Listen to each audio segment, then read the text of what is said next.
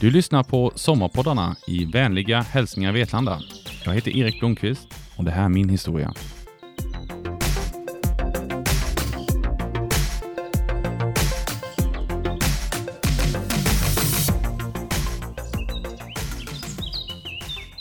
Du är dum i huvudet. Det fick jag höra 1998, precis avslutat Njudungs gymnasieskola. Och en person sa det till mig att jag har faktiskt en spågumma. Du är dum i huvudet. Du säger att du vill göra en massa grejer, men du gör aldrig någonting åt det. Och det på något sätt satte sig som en nål rakt in i hjärtat. Jag säger alltid att jag vill göra en massa grejer, men jag gjorde aldrig någonting för det. Det kommer att påverka mig hittills fram till idag när jag är nu 41 år i år. Jag kommer från Myresjö, en mil utanför underbara Vetlanda. Växte upp i en trygg familj med mamma och pappa och mina tre syskon. Eh, jag har alltid haft väldigt mycket kärlek från min familj. Eh, varit mycket av att testa, att våga, att eh, få hjälp.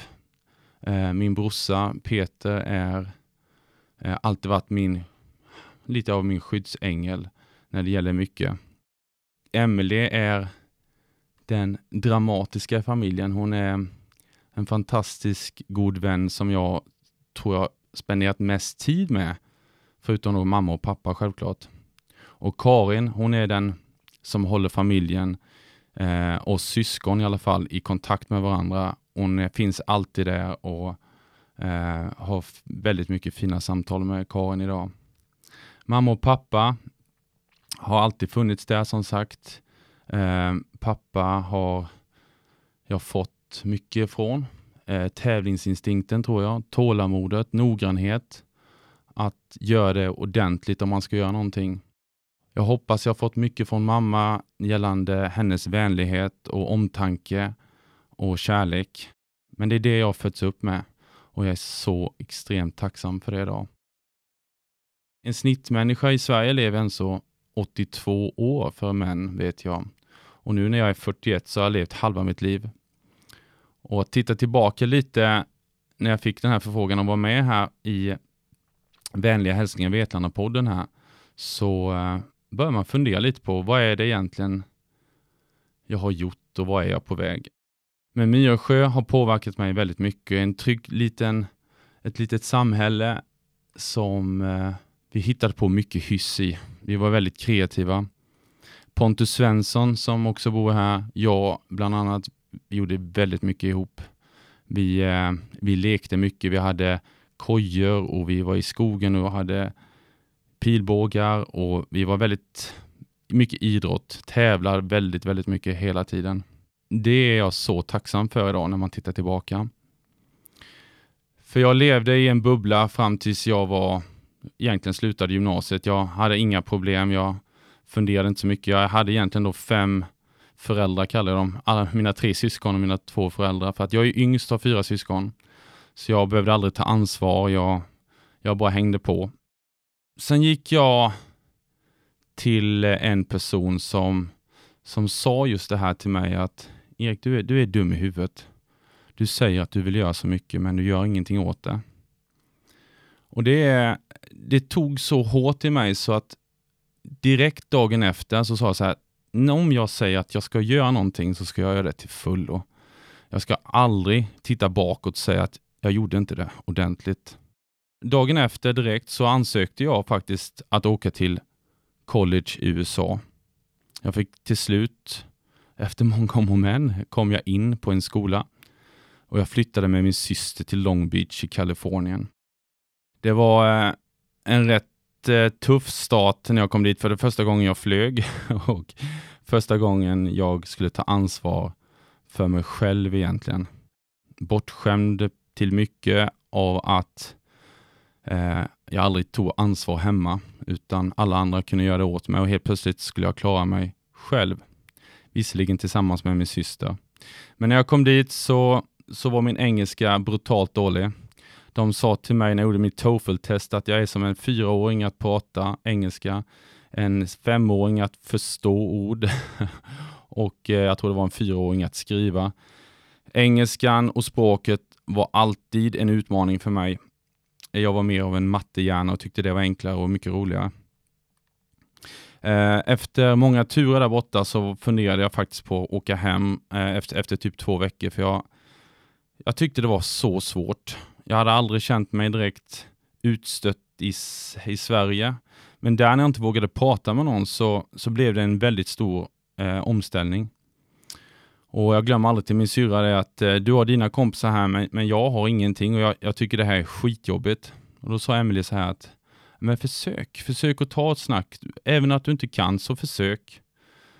Och jag testade och eh, jag kom till en klass när de snackade engla, eng, engelska as a second language, som man säger, English as a second language. Jag kom till den här nybörjar engelskan och då var det en eh, flera härliga människor, bland annat från en från Indien. Vi skulle prata om ett djur och vi skulle prata om en sköldpadda skulle han prata om och han säger så här. Uh, hello, my name is, uh, I'm gonna look at that turtle. That turtle is running on the ground. Och, eh, han pratar då med det språket. Jag tyckte det lät väldigt roligt. Och eh, jag lyssnade på alla andra. Det var en från tjej från Ryssland som pratade och hon, hon pratade ju rätt så monotont så att Hello, my name is Svetlana. Och det tyckte jag också var väldigt roligt. Och sen så lyssnade jag på mig själv. Och jag var ju sämst av allihopa. Och eh, det, det gjorde att, att det var okej okay att vara dålig. Helt plötsligt så kände jag att jag hade inte den här tävlingsnerven att jag måste vara bra. För här är alla dåliga. Och jag mötte mig själv att förstå att jag är inte bra, men jag måste träna. Och då började jag våga. Jag kände att jag hittade några som var lika dåliga som jag själv och på så sätt så började jag våga. Det här ledde till att jag var i USA i, i fem år. Jag var ju nära att åka hem direkt, men, men jag var i USA i fem år och lärde mig så otroligt mycket. Jag lärde mig att ta hand om mig själv, att laga mat, att tvätta och diska, sådana här basgrejer som man, man tycker är självklart, men då för mig så var det helt absurt. Eh, ja, som sagt, det var som att börja om i livet. I USA så lärde jag mig också möjligheten att faktiskt våga. Där fick man vara bra. Man fick våga vara bra. Och Jag har alltid känt mig som en hyfsat bra golfare. Mitt mål var ju att bli golfproffs där borta. Och eh, när jag var där så, så testade jag att faktiskt, eller jag blev lite amerikansk i hela mitt tänk. Jag vågade uttrycka mål och målsättningar som jag aldrig hade gjort hemma i Sverige. Och eh, Jag skulle ju bli proffs, det var mitt mål. Och I den vevan pluggade jag också eh, grundkurserna, egentligen anatomi och mekanik. Det var något som heter kinesiologi och eh, då var vi med när de obducerade en människa bland annat och de lyfte bort huden och eh, vi tittade på musklerna och venatärsystemet och även skelett. Och vi började även med katter också, för katter har ett hyfsat likt muskel och venatärssystem som människan. Men under den här tiden så spelade jag väldigt mycket golf och jag pluggade som sagt då kinesiologi. Och det här intresset för människan, det blev väldigt starkt hos mig. Eh, jag tyckte det var för första gången riktigt kul att plugga. Och eh, samtidigt så blev jag i, i lagkapten för laget och eh, kände att golf var väldigt roligt. Men sen så, så skulle jag bli riktigt bra och då sa min coach så här till mig. Om du ska bli som Tiger Woods, då måste vi försöka kopiera att du blir liksom svinga som Tiger Woods. Så jag satte Tiger Woods bredvid mig på en film och jag till vänster och han till höger och sen så försökte jag kopiera hans sving rakt igenom. Det slutade med efter många om och men att jag stod på tee och jag träffade varken, jag träffade knappt bollen. Det blev så mycket fel i min kropp och så helt plötsligt från att spela väldigt bra golf så började jag skåra väldigt, väldigt dåligt. Alltså jag spelade väldigt dålig golf. Jag förstår inte riktigt vad som hände. Men under tiden jag går min anatomiutbildning så gick jag igenom hur en kropp ser ut. Och då lade jag märke till att vi faktiskt är väldigt olika. Och nu efteråt kan jag förstå att om vi alla är olika, hur kan jag då härma någon annan? Och det där har också påverkat mig väldigt mycket. Så att få en förståelse om att vi alla människor är olika och att vi inte kan jämföras med någon annan, det gör livet lite enklare. Mina tankar och mina idéer, mina känslor, min upplevelse av allting jag har är ju extremt olika alla andra. Och det kommer, som jag kommer lite senare fram till, att eh, kommer påverka mig vidare. Så när jag pluggade i college-spelet i USA så, så gick det bra i skolan, men golfen började gå jättedåligt. Eh, det slutade med som sagt att jag står på tee och, och egentligen är jätterädd för att svinga. Så jag bestämmer mig för att avsluta min proffssatsning, eh, för eh, jag kommer verkligen inte framåt. Jag kom hem till Sverige fem år senare och jag ville ju bara bli golfspelare fortfarande. Men eh, som sagt, jag sa upp det och eh, testade något annat. Jag hade egentligen inga pengar heller för att satsa, så jag testade att modella en sväng. Jag fick en möjlighet att göra det. Och jag gjorde det i ett, ett och ett halvt år och det tog mig till Paris och Milano och Tokyo och New York och Los Angeles och, och jag avslutade i Barcelona. Där bodde jag i en eh, vår modellagenturs lägenhet och det var flera stycken som bodde där. Men sen så stod en kille som hette Jimmy Jaime, heter han, Jaime från Mallorca och han, han stod i Speedos framför en spegel med två kilos vikter och putade med munnen och försökte se snygg ut. Och då tänkte jag som så, ska jag också göra det här? Nej, det ska jag inte. Så eh, jag avslutade det på momangen och åkte hem till Sverige. Ja, det där var ingenting för mig. Jag kände mig inte, jag kände mig inte, jag kände mig inte skön att göra det helt enkelt. Det är inget fel på Jimmy och Jaime som ville göra det, men det var ingenting för mig. Så jag åkte hem till Sverige och började på tränarutbildningen. Och tränarutbildningen i golf eh, är, är fyra år. Tre år, fast jag som sagt var ju med i Robinson så att jag tog ett break där så att jag fick ta den på fyra år. Men under den här tiden så eh, kom de här tankarna tillbaka för det var exakt samma sak som eh, tränaren i USA hade sagt att vi ska försöka göra alla med samma grepp, uppställning, balans och bollplacering och sikte. Vi ska alltså försöka skapa samma svingar hela tiden. Och jag köpte inte det. Jag kunde inte köpa det eftersom jag själv hade misslyckats brutalt, men också det att den här anatomiläraren i USA som sa att alla är olika. Och eh, Det ledde till att jag började fördjupa mig inom eh, mekanik och anatomi och eh, fem år senare, eh, i 2011, var jag färdig med ett arbete tillsammans med Sten Lindberg och, och Per Liv som gjorde mycket också, men jag hade ett jätteintresse så jag satt egentligen hela vintrarna Eh, under tiden också var jag tränare i Ramkvilla. Och Ramkvilla kommer betyda väldigt mycket för mig framåt, för det är där jag testar egentligen hela balance golf som vi håller på med idag, på faktiskt över hela världen med just balance golf. Men, men det gjorde jag i Ramkvilla. Så här skrev jag den här uppsatsen på 120 sidor som egentligen ligger som grund till, till det jag håller på med idag.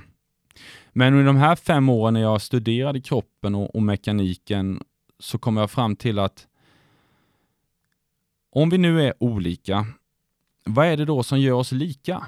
För det måste ju finnas en gemensam röd tråd. Och det är det som eh, vi gjorde där i det arbetet var att vi tog fram någonting som heter central balans. Vi definierade balans i en rörelse som kan garantera en ren bollträff varje gång. Och det här var ju skitfränt, för jag glömmer det aldrig. Jag satt på Mästarvillan på Bosön faktiskt, för det var under tränarutbildningen. Och det är den 5 januari. Och vi sitter och tar ett glas vin på kvällen och helt plötsligt dimper det ner inom mig att jag har det. Det är definierat.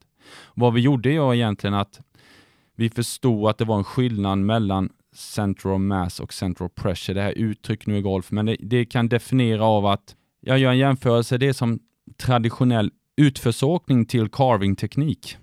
Det är två skilda grejer. Och carvingteknik det är vad vi håller på med balance golf idag. Så det här skulle då påverka mig framåt. Det här var i 2011. Och då står jag på stora scen i Halmstad inför mina tränarkollegor och presenterar detta. Och eh, det är en chefsredaktör där från Golf Digest som heter Tommy Jeppsson som, som skriver, om, skriver om detta och jag glömmer aldrig det. Och hans ledare har påverkat mig massor. Eh, jag kan den innan utan till. Men eh, jag är inte ute för att ta fram den här. Men den, vad de sa egentligen där var att, att eh, några tyckte det här var jättespännande, några satt och skrattade åt det. Men jag kunde inte skratta åt, åt vetenskapen, jag kan inte snack, eh, skratta åt matematiken eller biologin.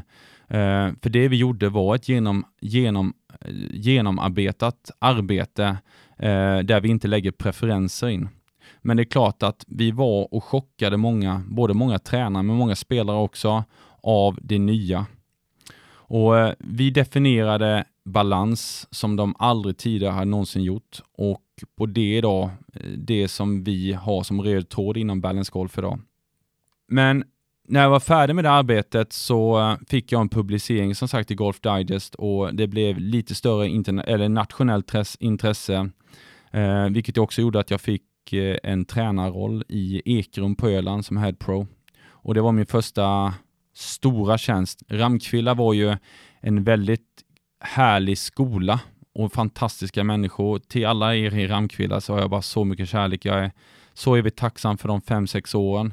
Där jag också träffade Claes Lindberg som, som nu driver en fantastisk krog i Stockholm. Ska ni åka till Portal eh, som jag lärde känna då han drev Ramkulla värdshus. Och sen umgicks jag mycket med Robban Victorin också på Halsnäs. Vi tre blev väldigt tajta under den här Ramkvilla-åren och det är väldigt kul när vi träffas. Men Ramkvilla satte grunden till Balance Golf som idag är eh, Sveriges största utbildningsverksamhet i golf. Gemensam utvecklingsverksamhet. Och eh, det har lett till att jag ens har fått resa över hela världen och föreläsa inom biomekanik egentligen och att föreläsa om central balans och om att alla är olika. Men jag kommer lite mer till det senare. Först så, så var jag då på Ekrum på Öland och där fick jag testa och det gick väldigt bra, var där i två år, men det var ju bara en sommartid där. Vintertiden så, så fanns det inte så mycket jobb där, så jag fick en förfrågan från Halmstad Golfarena att komma dit.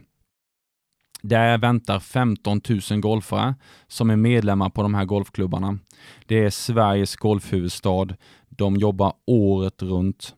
Där kunde jag förverkliga Balance Golf på ett helt nytt sätt. Jag träffade en fantastiskt god vän, Thomas Lindström, och eh, vi lärde känna varandra väldigt väl. Genom Thomas fick jag också ta del av en annan fantastisk människa som heter Peter Fransén. Och Thomas och Peter har jag bollat hur mycket som helst med. Utan dem skulle aldrig Balance Golf varit där det är idag. Thomas och Frasse och jag blir ett team i Halmstad och vi eh, sätter igång vår utbildningsverksamhet. Ringenäs, där Thomas och Frasse jobbar på, hade redan en fantastisk verksamhet. Men tillsammans med dem så kunde vi både utveckla varandra bättre och utveckla våra spelare bättre. Och Thomas och Frasse är idag eh, två av mina absolut närmsta kollegor som jag hyser extremt mycket respekt och tacksamhet för att eh, ha i mitt liv. Eh, men i alla fall, i Halmstad då så börjar vi eh, med Balance Golf och utvecklar det. Det blir ett intresse och Balance Golf är ju inte alls som det var när det började. Det var ju en liten eh, filosofi jag hade. Idag är Balance Golf ett samarbete där 13 klubbar jobbar tillsammans för att förstå golfarna mer. Så det har gått från ett litet egoperspektiv till ett tillsammansprojekt där eh, vi kallar oss Tillsammans är vi starkare. Vi tror ju på att kunna hjälpa varandra och dela information och dela kunskap och dela program och dela marknadsföring och dela, dela allting som gör så att vi tillsammans kan bli bättre Eh, tränaren generellt har varit väldigt ensam under många år. Vi har jobbat ensamma, vi har hållit på ensamma och vi ska, alla ska göra samma planering och alla ska göra samma upplägg och alla ska göra samma, fast man ska göra på sitt egna lilla tes. Vi har en gemensam röd tråd där människan framför oss är vårt enda fokus. Det är den vi tror att den människan är unik, den är olikt skapt någon annan så att den kommer bli individualiserad i sin tränings, eh, i sin träningsmängd och tränings, eh, ja, sin approach till, till golf. Så idag är vi 20 Balance Golf-utvecklare. Och det är också en annan grej som vi vill jobba med, att vi, vi instruerar inte utan vi utvecklar. Och vad jag menar med det är egentligen att vi säger inte till någon att så här ska du göra. För vi tar inte rätt rätten av någon att säga att den har fel. Hur du upplever din kropp och hur du upplever din rörelse, ja det är extremt individuellt. Jag kan inte hoppa in i, i, i någon annans kropp och få uppleva deras eh, upplevelse, hur de genererar kraft eller hur de förnimmer sin kropp. Vi kan inte säga till någon så här ska du göra. Däremot så kan vi väldigt duktiga på att läsa data. Vi är väldigt duktiga att förstå hur kroppar rör sig. Vi är väldigt duktiga på att se hur hur ditt skelett egentligen ska röra sig på ett bra och skonsamt och kraftfullt sätt. Så vi individanpassar idag och det är så vi jobbar i Balance Golf. Vi jobbar tillsammans och vi jobbar för att förstå varandra mer och hjälpa varandra framåt så att våra golfare som kommer till oss blir bättre och tycker golf är roligare. Någonting som vi har glömt här under golfbiten, jag ville bara prata om golf, eh, var vi är idag och eh, vi har massa spännande, spännande grejer som händer framåt. Men jag vill också ta tiden i eh, att berätta lite om Robinson. För under tiden jag gjorde mitt arbete med eh, Balance Golf så eh, hade jag alltid eh, en vilja att testa mig själv på alla plan. Utmana mig själv på alla plan. En annan person har nämligen sagt till mig att Erik, vill du leva av livet eller vill du leva livet? Och för mig har den också tagit rejält eh, in i min eh, hjärta. Eh, för jag vill leva livet. Jag vill inte leva av det. Och Vad jag menar med det är att jag vill verkligen testa mig själv och då är det en av grundorsakerna att jag sökte till Robinson. Jag bodde som sagt ute i Ramkvilla för mig själv utan grannar och levde lite som en överlevare. Men inte ens i närheten av vad som komma skall. Men vi var 9000 sökare tror jag det var och vi var 18 personer som åkte. Och varför de tog mig, ja det, det, det vet jag fortfarande inte. Men eh, jag kan säga det att ni som undrar om TV är påhittat, de påverkar inte oss någonting. Vi var precis som vi var. Det var 18 personer som var tävlingsmänniskor, men jag kunde inte säga att någon var extrem åt något håll. Men däremot så eh, när du inte har tillgång till mat på samma sätt, när du är uttråkad, så kommer vi människor att reagera på olika sätt. Och eh, Det var det jag var intresserad av och jag fick verkligen uppleva det. Jag var med 35 dagar på en ö i Filippinerna, egentligen i ett träsk, om ni kommer ihåg någon som tittade. Där fick jag också massa lärdomar.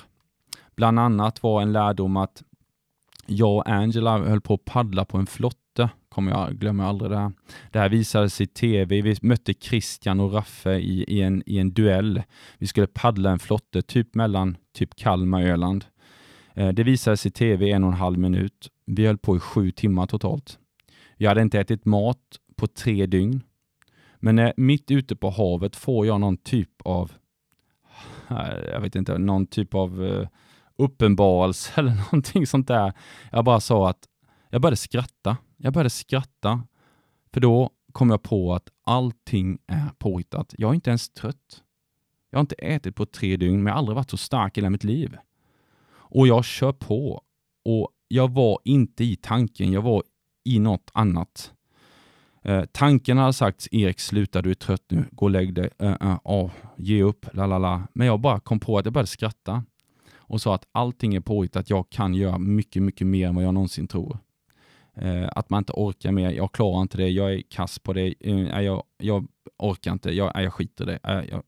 Men egentligen är det bara undanflykter. Tanken vill säga till dig att du ska chilla.